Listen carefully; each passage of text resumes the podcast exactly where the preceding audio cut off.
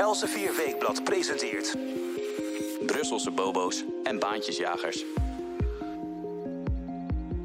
Bijna vijf jaar na de migratiecrisis staat de Europese Unie misschien wel aan de vooravond van een nieuwe crisis. De sleutel van het continent is in handen van de Turkse president Erdogan.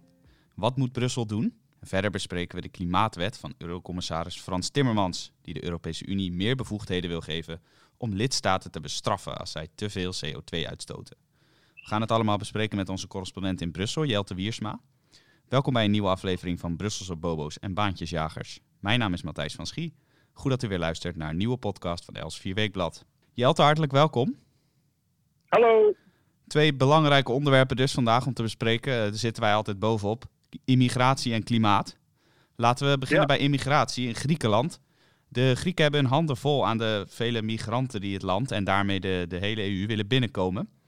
Kan het net zo'n grote crisis worden als in 2015? Jazeker. Een uh, Griekse commissaris uh, die zich bezighoudt met vluchtelingen uh, noemt het al een grotere crisis zelfs dan Zo. die van 2015. dus het is een zeer serieuze kwestie waar we getuigen van zijn.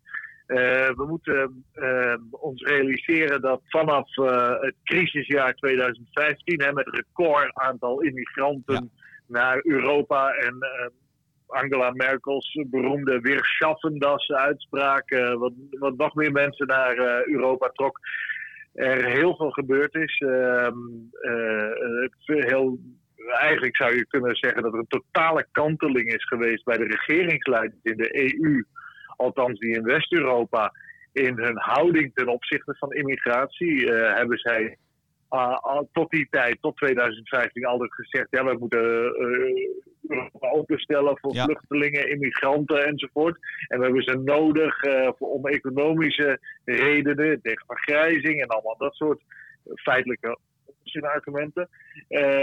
is dat sinds dat jaar echt veranderd. Ja. En is het besef gekomen onder de druk van burgers die daar niet op zitten te wachten en die dreigen of daadwerkelijk stemmen op partijen die anti-immigratie zijn dat er maatregelen genomen moeten Precies. worden. En uh, een van de kerngebieden waar dat uh, is gebeurd is op de Turks. Bulgaarse en Turks-Griekse grens, waar uh, je zou kunnen zeggen de culturele en ook politieke grens van Europa met Azië ligt. Precies, want ik noemde het even in de introductie. de Turks president Erdogan heeft eigenlijk de sleutel nu in handen omdat hij uh, een aantal uh, migranten, vluchtelingen uit Syrië en andere landen in de regio heeft laten doorlopen. En uh, als ik het goed heb begrepen, heeft hij aan de Europese Unie gevraagd om hem nog meer geld te geven. Want ja, leg even uit, de, de Turkije-deal is natuurlijk precies gesloten om dit te voorkomen. Maar het lijkt erop dat die nu niet meer echt geldt. Ja, je moet dan denken aan de Turkije-deal zoals die in 2016 is gesloten onder het, het Nederlandse voorzitterschap van de Europese Unie ja. door premier Mark Rutte met de um, uh, toenmalige premier Davutoglu van uh, Turkije.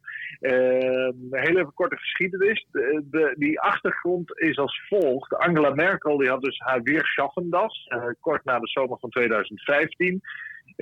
toen raakte Duitsland in paniek, want ze schaften het toch niet. Nee. Uh, en toen heeft Merkel uh, Donald Tusk, de voorzitter van de Europese Raad, en uh, daarna Jean-Claude Juncker, en eigenlijk zijn hulpje van Timmermans toen, naar Turkije gestuurd om een akkoord te sluiten met, de, met Erdogan, de Turkse president, om Erdogan het vuile werk te laten Ja. opknappen, im immigranten buiten houden. Uh, enerzijds en anderzijds opvangen in Turkije, Ja. zodat die niet naar Europa komen. Want anders zouden Merkel en andere regeringsleiders in Europa wel eens uh, hun positie kunnen verliezen bij verkiezingen. Het mislukte met Tusk, met, met Juncker en Timmermans. Rutte, uh, toen als voorzitter van de Europese Unie, want Nederland was dat toen, dat is eigenlijk een half jaar Ja. rolerend. Uh, slaagde daar wel in. Dus de, uh, Rutte maakte die deal met die, deal met die Davutoglu, pre premier. Uh, dat is gebeurd eigenlijk op, hier in Brussel op de Oostenrijkse ambassade. daar zaten Merkel, Rutte en uh, Davutoglu samen aan tafel. Ja. En wat daar toen is afgesproken, was vanaf dag één al ronduit ja, stupide. Je kan het niet anders noemen. Ik heb er ook vanaf dag één tegen geschreven. Ja. Die Turkije deelde hield in dat Europa tot en met de Europese Unie tot en met 2021 6 miljard euro aan Turkije zou geven. En Turkije zou daarvoor uh, dan heel veel mensen opnemen en daarmee verzorgen. Turkije zou visumvrij reizen naar de Europese Unie krijgen, wat nu niet kan. Turken moeten een visum hebben om naar de EU of naar Schengen te reizen. Uh, er werden allerlei beloftes gedaan, eh, onder druk en in paniek. Nou, ook door Davutoglu trouwens. En Davutoglu is meteen ontslagen hè, na, door Erdogan. Nadat hij die deal heeft gesloten. Die deal is door Erdogan ook nooit nagekomen. Maar door de Europese Unie ook niet. En die deal is volop geprezen door Rutte en Merkel, de sluiters van die deal. En gezegd: maar moet je kijken, wij kunnen als zogenaamde middenpolitici die immigratie tegengaan door.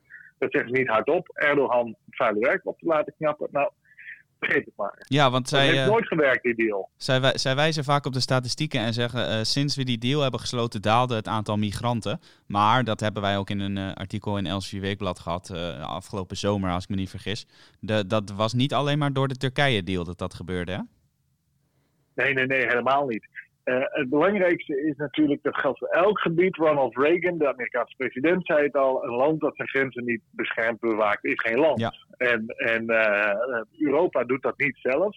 Die, uh, de, de magen van de regeringsleiders en vele televisiekijkers, die natuurlijk emotioneel worden als er weer een gezin in een rubberboot over de EVCC gaat. Uh, die kunnen dat helemaal niet aan. Dat uh, wij uh, zelf het vuile werk opknappen. Dus laten we dat door anderen doen. Nou, die Turkije-deal heeft daar niks aan gedaan. Wat wel belangrijk is, is dat Oost-Europa, en dan onder aanvoering van Hongarije, die is gewoon muren en hekken gaan bouwen. Ja, en premier Orbán. Die, die hebben. Orbán als premier van Hongarije, maar ook anderen daar hè, in de Balkan. De hele Balkan is er wat afgesloten. Die mensen die hebben nog de, de, de, de stomach, zoals ze dat in het Engels zo mooi noemen. Eh, de stamnia om uh, dit tegen uh, te gaan. En te zeggen: nee, mensen komen niet ons territorium op. Dit is ons land, dit is ons gebied. en als u daar naartoe wilt, dan mag u niet zomaar naar binnen lopen. Dan moet u eerst maar zich even aanmelden aan de buitenkant van de grens. En die hardheid, die mentale hardheid die je nodig hebt om te overleven als cultuur, als beschaving zelfs, die ontbreekt bij velen. Uh, nou ja, wat is het? Maar goed, uh, klusjesman Erdogan, die in de knijp zat destijds. Want die had natuurlijk net een koep achter de rug. Ja. Een staatsgreep, laten we dat niet vergeten. Uh, en een economische crisis in Turkije ook nog. Wat hem erg verzwakte. Want de economie was een van de pijlers waarop hij zijn populariteit Precies. bouwde.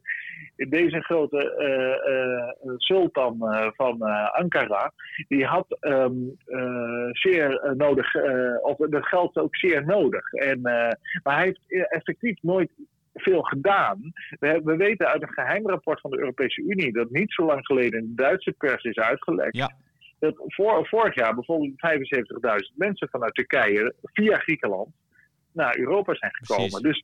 Dus, uh, hebben we ook over bericht op de uh, website. Uh, Erik Vrijs, als ik me goed herinner, heeft een, een uitgebreid stuk daarover geschreven. Jij hebt daar in een commentaar inderdaad ook nog aandacht aan besteed. er, er kwamen nauwelijks ja. vluchtelingen terug. Hè? Als ze eenmaal in Griekenland waren, dan, dan nam Turkije ze niet zo snel meer terug.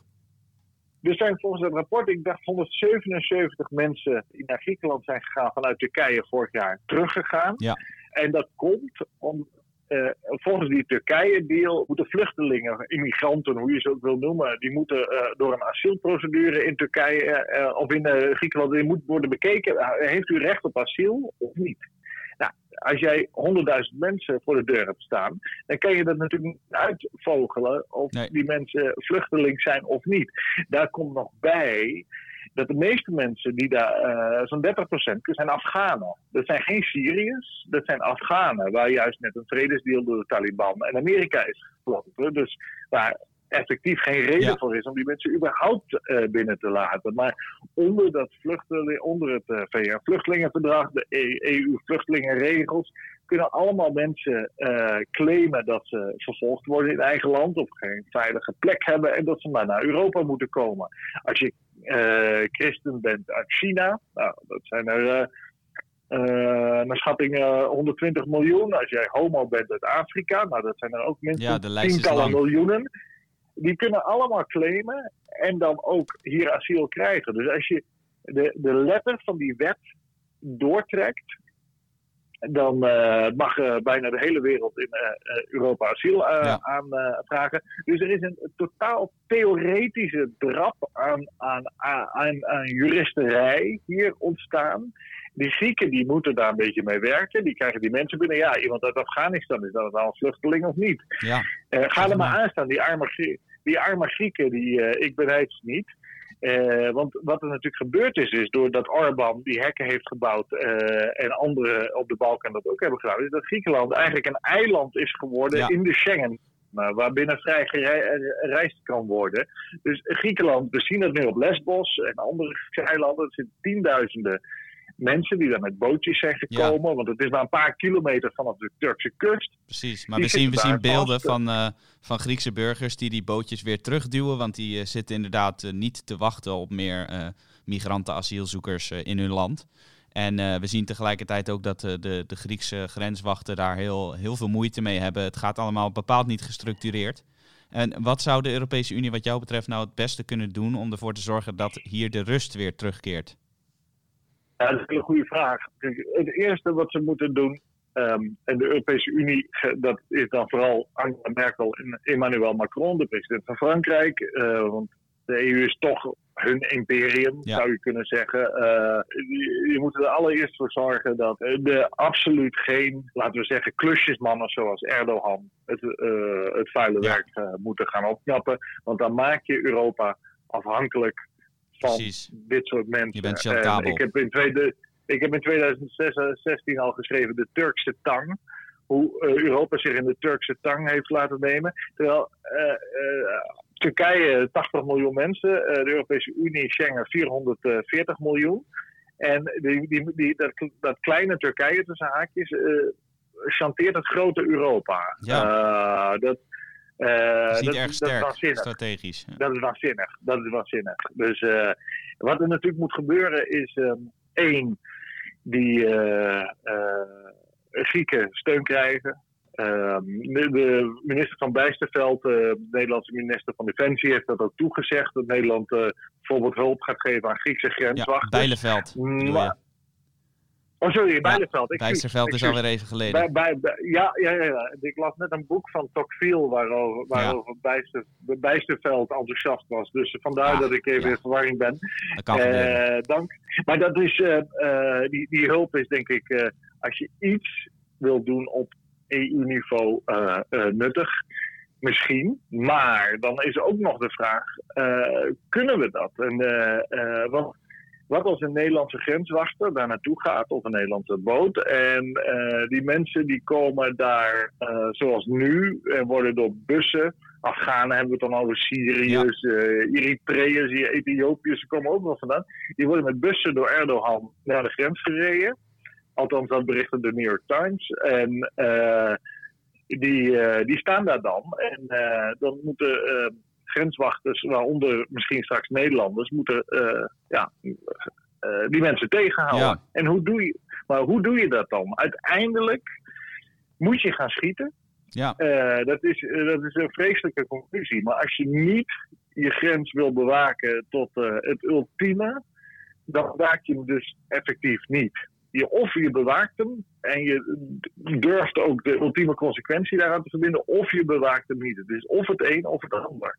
Uh, tot nog toe staan de Turkse, of de Griekse en de Bulgaarse grenswachters er alleen voor.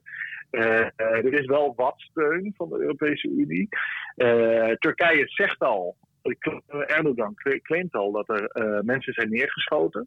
Ja, dus daar is nog geen, geen hard bewijs voor, toch? Nee, daar is geen bevestiging voor. Anders, andersom claimt Griekenland dat uh, Turkije zelfs militaire voertuigen inzet om immigranten naar de grens te drukken. Um, Traangas afschiet, als ik het goed heb uh, gelezen. Traangas en Ja, zeker. Je, hebt de beelden gezien. Je bent zelf misschien ook wel eens in Turkije geweest. Je kent die situaties. Het is, het, eh, ik wil, vanuit een menselijk perspectief is het gewoon vreselijk. Absoluut. Dat is evident. Maar, maar Europa kan dit niet zo laten doorgaan. Uh, wat er verder precies moet gebeuren, behalve dat uh, landen zoals Nederland misschien grenswachters kunnen sturen. Maar dat is, vind ik heel lastig. Want ja, wat als er geschoten moet worden? Ja, uh, wie, zijn we daartoe bereid? Uh, ja, zijn we daartoe bereid? Uh, ik denk dat als de eerste Afghaan wordt neergeschoten, dan, ehm, dan kan het kabinet wel aftreden. dus ehm, dat is zo lastig. Dus wat er moet gebeuren. Ehm, is in die zin ook niet gelukkig. daarom ben ik ook journalist en geen politicus. Iets wat een journalist hoeft te beantwoorden. Uh, maar um, het is in ieder geval goed dat de druk op Griekenland staat, want die stuurde voorheen iedereen door. Het is ook goed dat Griekenland wel harder is geworden. Dus die heeft er 4000 grenswachters daar neergezet. Dus ik denk ook wel goed dat er steun komt vanuit uh, uh, EU-landen. Niet vanuit de Europese Unie hè, specifiek, maar gewoon EU-landen individueel die zeggen wij willen ook wel helpen. Maar dan moet je wel weten wat je wil als Europa. En zolang je niet weet wat je wil, dan weet je ook niet wat je kan doen. Nee. En, um, ja, je noemde ja, net al, betreft, eh, de, de, de Oost-Europese landen of Centraal-Europese landen als Hongarije, die weten duidelijk wat ze willen. Dat is geen uh, nieuwe immigranten. En, en de, de landen in het noordwesten, zoals Duitsland, misschien ook wel Nederland, die, uh, die hebben nog niet een heel duidelijk standpunt geformuleerd. Nee, uh, dat is het punt.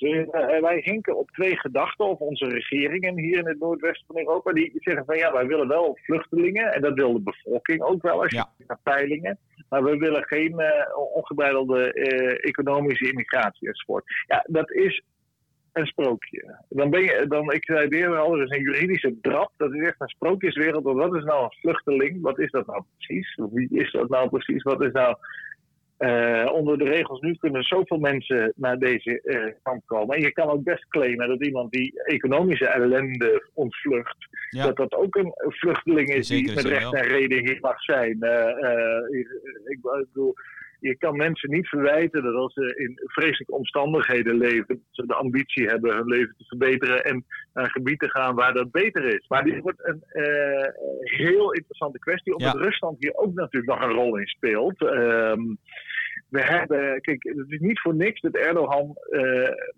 druk zet door de grens proberen open te gooien naar Europa op Europa. Want hij heeft een probleem. Erdogan is een, uh, zoals Turkije dat altijd geweest is, is een eenzaam.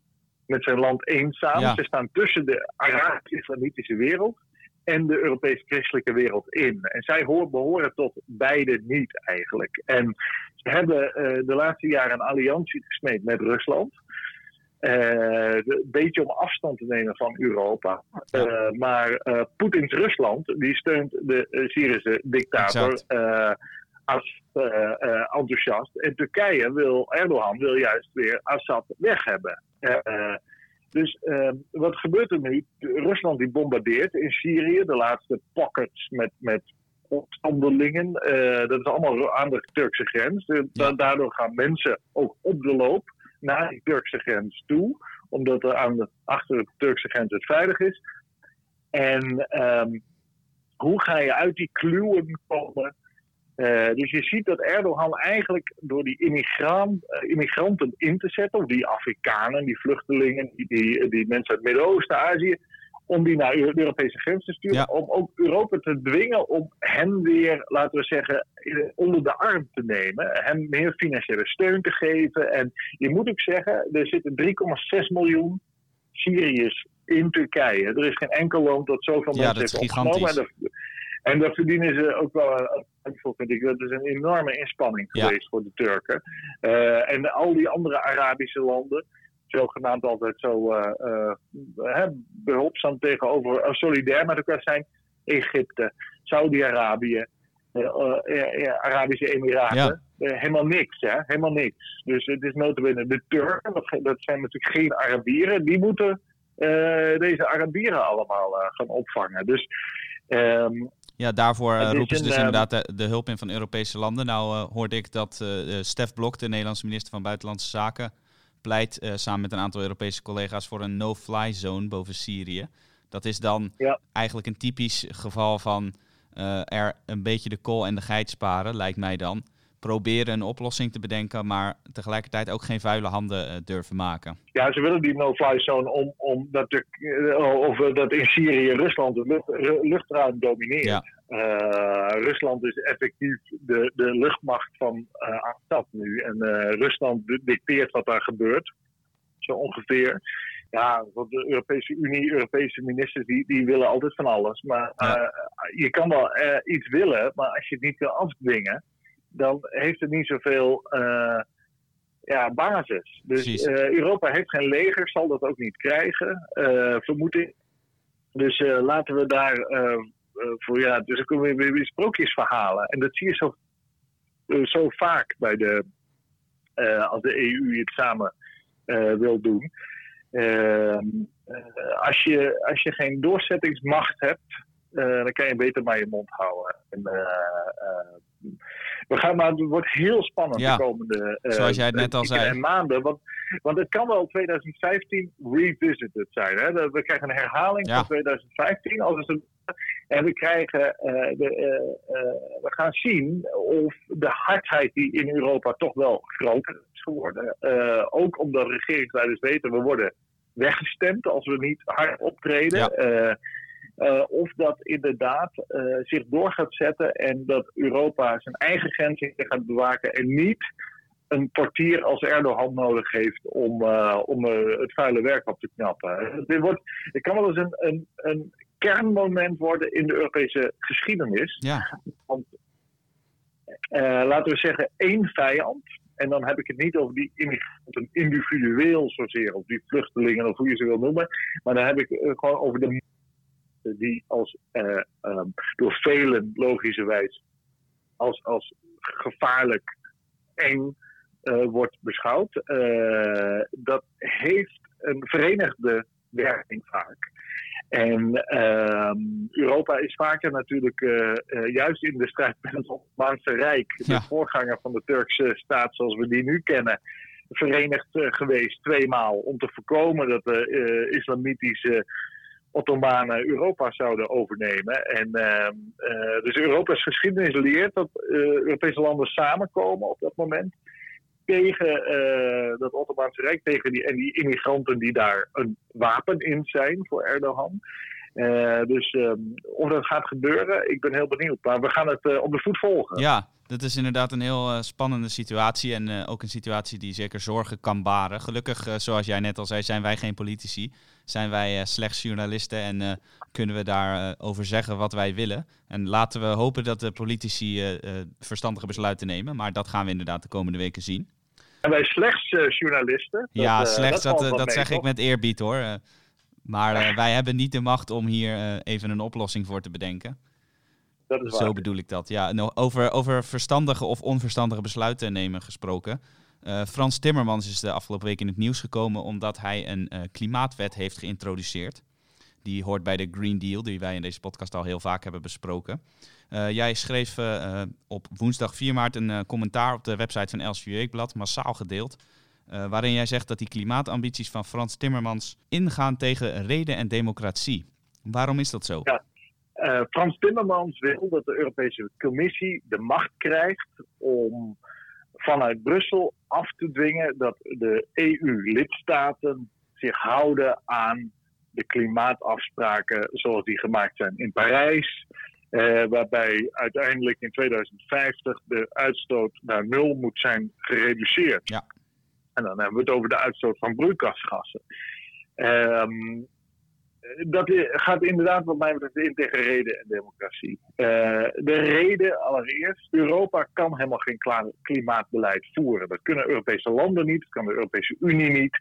Dat kan alles wat je staat, staat onder de paraplu Europa, kan dat helemaal niet. Waarom niet? het, feit, het feit is dat overal ter wereld massaal kolencentrales worden gebouwd.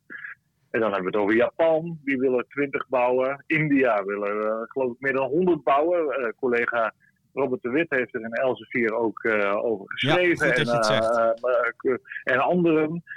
Die, die uitstoot van broeikasgassen zal zelfs als Europa op nul CO2-uitstoot zou zitten, nog stijgen ten opzichte van het huidige niveau. Uh, want de wereld wordt rijker. Gelukkig maar. Uh, Azië uh, wordt rijker. En een onderdeel van het rijker worden is een grotere vraag naar energie. Uh, die steenkool is spotgoedkoop. Technisch zijn steenkolencentrales relatief eenvoudig te bouwen. Het is volop voorradig. Er is nog voor zeker honderden jaren steenkool op aarde beschikbaar. Dus steenkool is de nummer één landen en zal het blijven en zal alleen maar groeien. dus als je al het klimaat zou willen beïnvloeden door minder CO2 of andere broeikasgassen uit te stoten als Europa, dan, um, dan zal het uh, niet of nauwelijks effect hebben.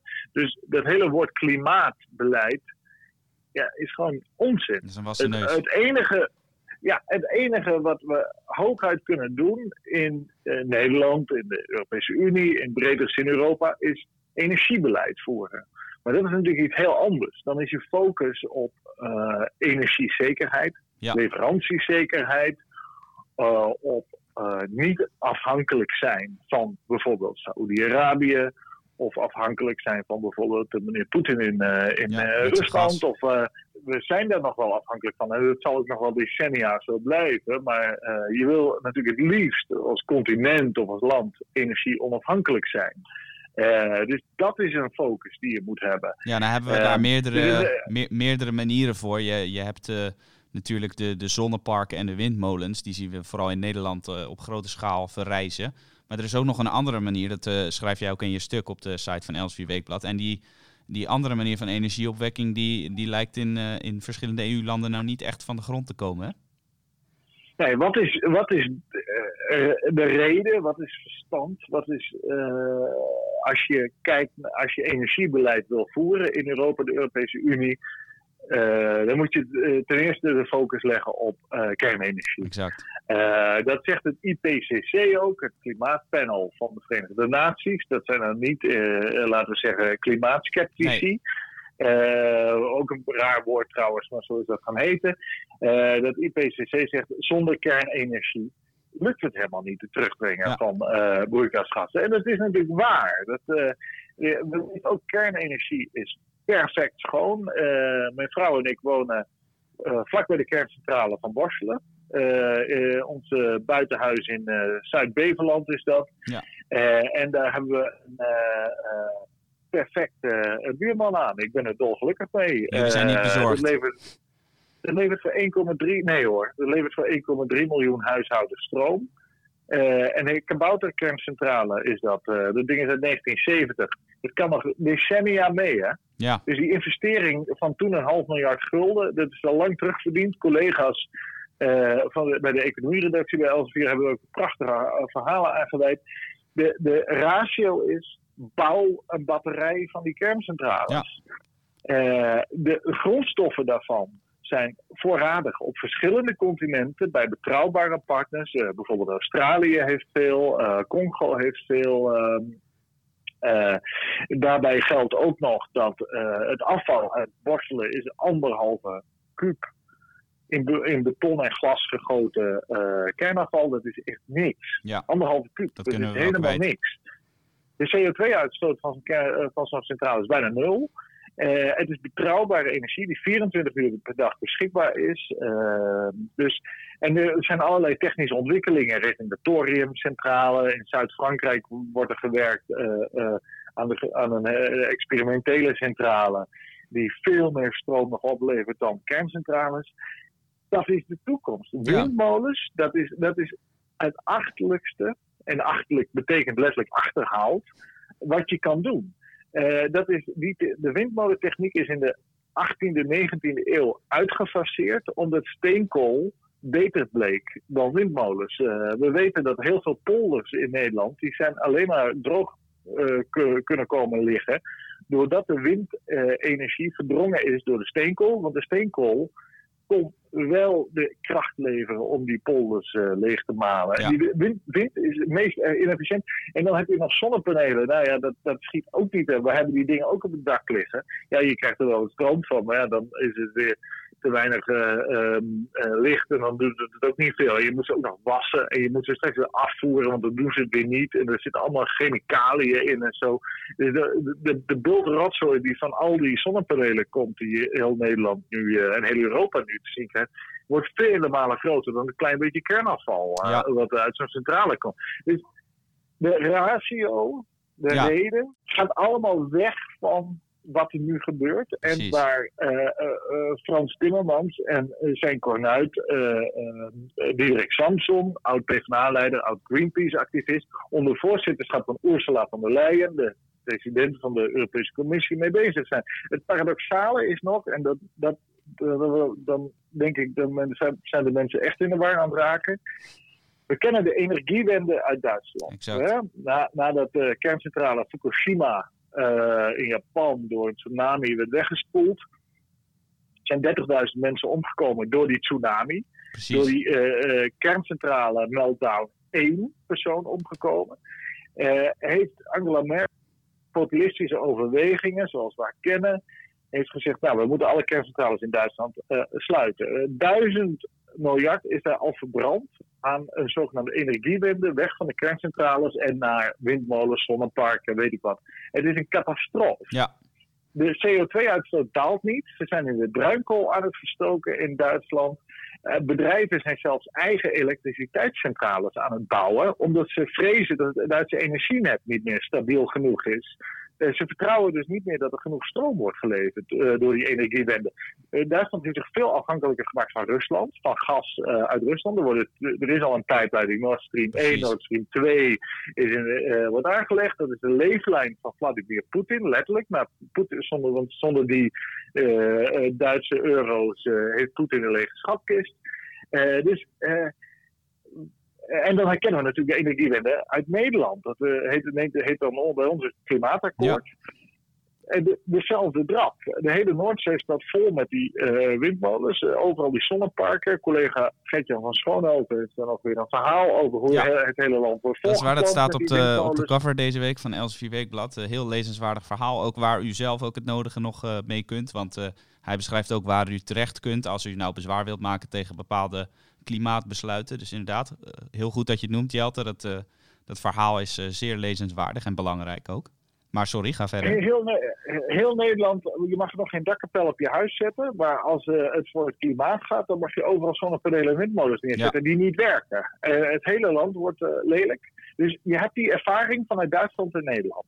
En wie heb je dan in de Europese Commissie? Von der Leyen uit Duitsland, die dus tien jaar in de regering heeft gezeten. Merkel, die die energie energiewende heeft doorgevoerd. Timmermans als minister van Buitenlandse Zaken, PvdA, die, uh, en de PvdA-leider Samson, die de, uh, met die klimaatrotzooi bezig zijn geweest in Den Haag, die zitten dus nu, die hebben dus eerst in Nederland en Duitsland er een rotzooi van gemaakt, het geld verbrand. Nu zitten ze samen, die drie, ja. uh, in het Berlaymont, hier in Brussel, gaan ze heel Europa verzieken met deze, deze waanzin.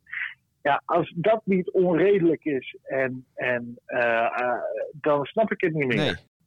Uh, ja, kernenergie eigenlijk onmogelijk wordt gemaakt door de Europese Commissie. terwijl, ja, zoals gezegd, dat is eigenlijk de enige. Als je af wil van fossiele brandstoffen, of althans je afhankelijkheid van fossiele brandstoffen wil verminderen, als je dat al wil, ja dan is kernenergie verreweg de meest logische optie. En uh, dat wordt bijna onmogelijk gemaakt door nationale regeringen, ook de Nederlandse. Ja, dat zien we elke dag inderdaad. Heel veel verzet tegen. En, en het wordt door de EU nog eens meer onmogelijk gemaakt. En zeer, zeer zorgwekkend wat mij betreft.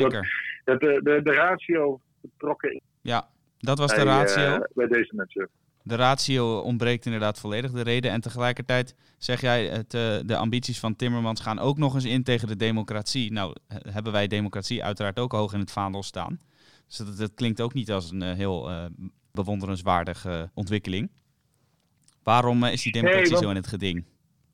Nou, dat is een heel, heel belangrijk punt voor mij. Um, we weten, de Europese Commissie wordt inderdaad scheidsrechter en gaat EU-landen uh, met juridische middelen proberen aan de klimaatafspraken te houden. Stel, uh, de EU, zoals de commissie dat wil, of de commissie krijgt die macht. Dan weten we uit de praktijk dat de commissie die macht helemaal. we hebben dat gezien in de eurocrisis. De Europese Commissie is verplicht om landen die niet aan de euro-begrotingsregels uh, voldoen, om die te beboeten. Nou, wat leert de praktijk? Vele landen hebben uh, al jarenlang nog nooit aan die begrotingsregels voldaan. En er is nog nooit een boete door de commissie uitgedeeld. Nog nooit. Dus het juridische instrument dat de commissie heeft om landen uh, te dwingen zich aan de eurozone afspraken te houden, die gebruikt het niet. En waarom niet? Omdat de Franse president dan naar het Berlaymont belt en die zegt, ja, dat gaan we dus niet doen. want wij als Frankrijk voldoen niet aan de euroregels, dus wij accepteren niet dat jullie boetes gaan opleggen aan landen, want dan gaan jullie steeds boetes leggen, opleggen aan ons. Ja. En voor ons als groot land, als Frankrijk, gelden die regels niet. Want wij zijn een groot land en wij laten ons niet door technocraten in Brussel vertellen wat we moeten doen. Dus dat gaat uh, ook zo gebeuren bij dit uh, Green Deal gebeuren. Uh, we hebben gezien tijdens de eurocrisis nog iets anders. Dat waar, dus de Europese Commissie krijgt formeel macht, gebruikt die niet. Ja. Maar waar gaat die macht dan naartoe? Dus ik volg het altijd graag. Waar is nou de ja. echte macht? Dan weten we dat de Europese Centrale Bank, de Europese Investeringsbank uh, en andere financieringsvehikels, die hebben tijdens de eurocrisis heel veel macht gekregen. En dit zijn politieke instituties onder leiding van politieke mensen. Er is uh, natuurlijk net uh, Christine Lagarde, de Française, ja. oud-minister, is benoemd als uh, president van de Europese Centrale Bank. de Europese Investeringsbank in Luxemburg wordt geleid door Werner Hoyer. Dat is een Duitse FDP'er, links-liberaal. Dat zijn politieke lichamen. Uh, en uh, we weten dat de Europese Investeringsbank gedomineerd wordt door Frankrijk en Italië. Of, of sorry, de Europese Centrale Bank. Voor de ja. simpele reden omdat die hebben meerderheid in het ECB-bestuur. Dus die lichamen die hebben tijdens de eurocrisis een hele belangrijke rol gespeeld. Wat gebeurt er nu tijdens de beroemde Green Deal van Timmermans. Om uh, heel Europa groen te maken. Uh, wat waanzinnig is natuurlijk, want CO2-uitstoot leidt uh, tot een andere wereld. maar goed, dat terzijde. Ja, laten we daar even niet te diep op ingaan. maar heel, heel, belangrijk, wat, wat die, die bank in Frankfurt, de ECB de EIB in Luxemburg, die willen zelf ook bij de klimaatbank zijn. Ja. Hè? Dat zeggen ze letterlijk. Wij willen klimaatbank. En die zeggen, wij gaan dus uh, kernenergie niet financieren. We gaan gasleidingen niet meer financieren. We gaan allerlei uh, geldstromen buigen in een richting zoals wij die graag willen. Naar zon en wind dus. Dat is als je bijvoorbeeld, en als je weet dat de Europese Centrale Bank ongelimiteerde fondsen heeft, want zij bepalen of geld wordt bijgedrukt of niet. Ja. Als je weet dat Frankrijk, Italië en andere Zuid-Europese landen een meerderheid in het bestuur hebben van de ECB en de controle hebben daarover, dan uh, weet je dat die uh, dus gaan bepalen hoe een en ander uh, gaat lopen. En niet de commissie. En dit is ehm, een machtsspel op het allerhoogste niveau. En de ECB wordt vaak over het hoofd gezien, dat spel. En, de, en dat geldt ook voor de Europese Investeringsbank. En de machinaties binnen die banken. Want dat zijn dus politieke benoemingen waarbij de Duitse uh, de Franse president en andere enorme vechters zijn om belangrijke posities in die bank te krijgen. En dat zien we dus niet. Die bankvergaderingen die zijn niet live op tv of zo. Zoals, dus er is een soort, de focus is op Brussel, op de Europese Commissie, op het Europees Parlement, vanuit Green Deal, allemaal grote verhalen. Maar waar gaat de macht echt naartoe? Dat is niet naar Brussel, maar dat is naar Frankrijk en Luxemburg. Ja, precies. En, dus, uh, ja, want uh, er is in het nieuws dat het Europees Parlement uh, fel uh, bezwaar heeft gemaakt tegen dit besluit van Timmermans. Althans, deze wens om landen te gaan bestraffen. Nou, je kunt nog zeggen, het Europees Parlement, daar hebben wij in ieder geval als burgers voor kunnen stemmen. Maar als ik jou zo begrijp, dan zijn dus de ECB, de investeringsbank enzovoort, zijn dat de partijen die de touwtjes in handen hebben en kan het Europees Parlement wel bezwaar maken, maar is dat toch te vergeefs? Ja, het Europese parlement speelt nooit echt een rol natuurlijk. Uh, het uh, Europese parlement is hoog de noodrem en noodbremsen, zeggen de Duitsers. Uh, omdat die daar grote invloed hebben. Dat geldt voor de Fransen ook. Maar het Europese parlement is geen factor in dit. Dat willen ze wel, maar dat zijn ze niet. Nee. Het is allemaal chefzaggen. Het is in de Europese Unie altijd Merkel-Macron. Uh, en uh, het machtsspel om het geld, dat is de Europese Centrale Bank, Europese Investeringsbank, ehm, dat gaat daar niet plaatsvinden.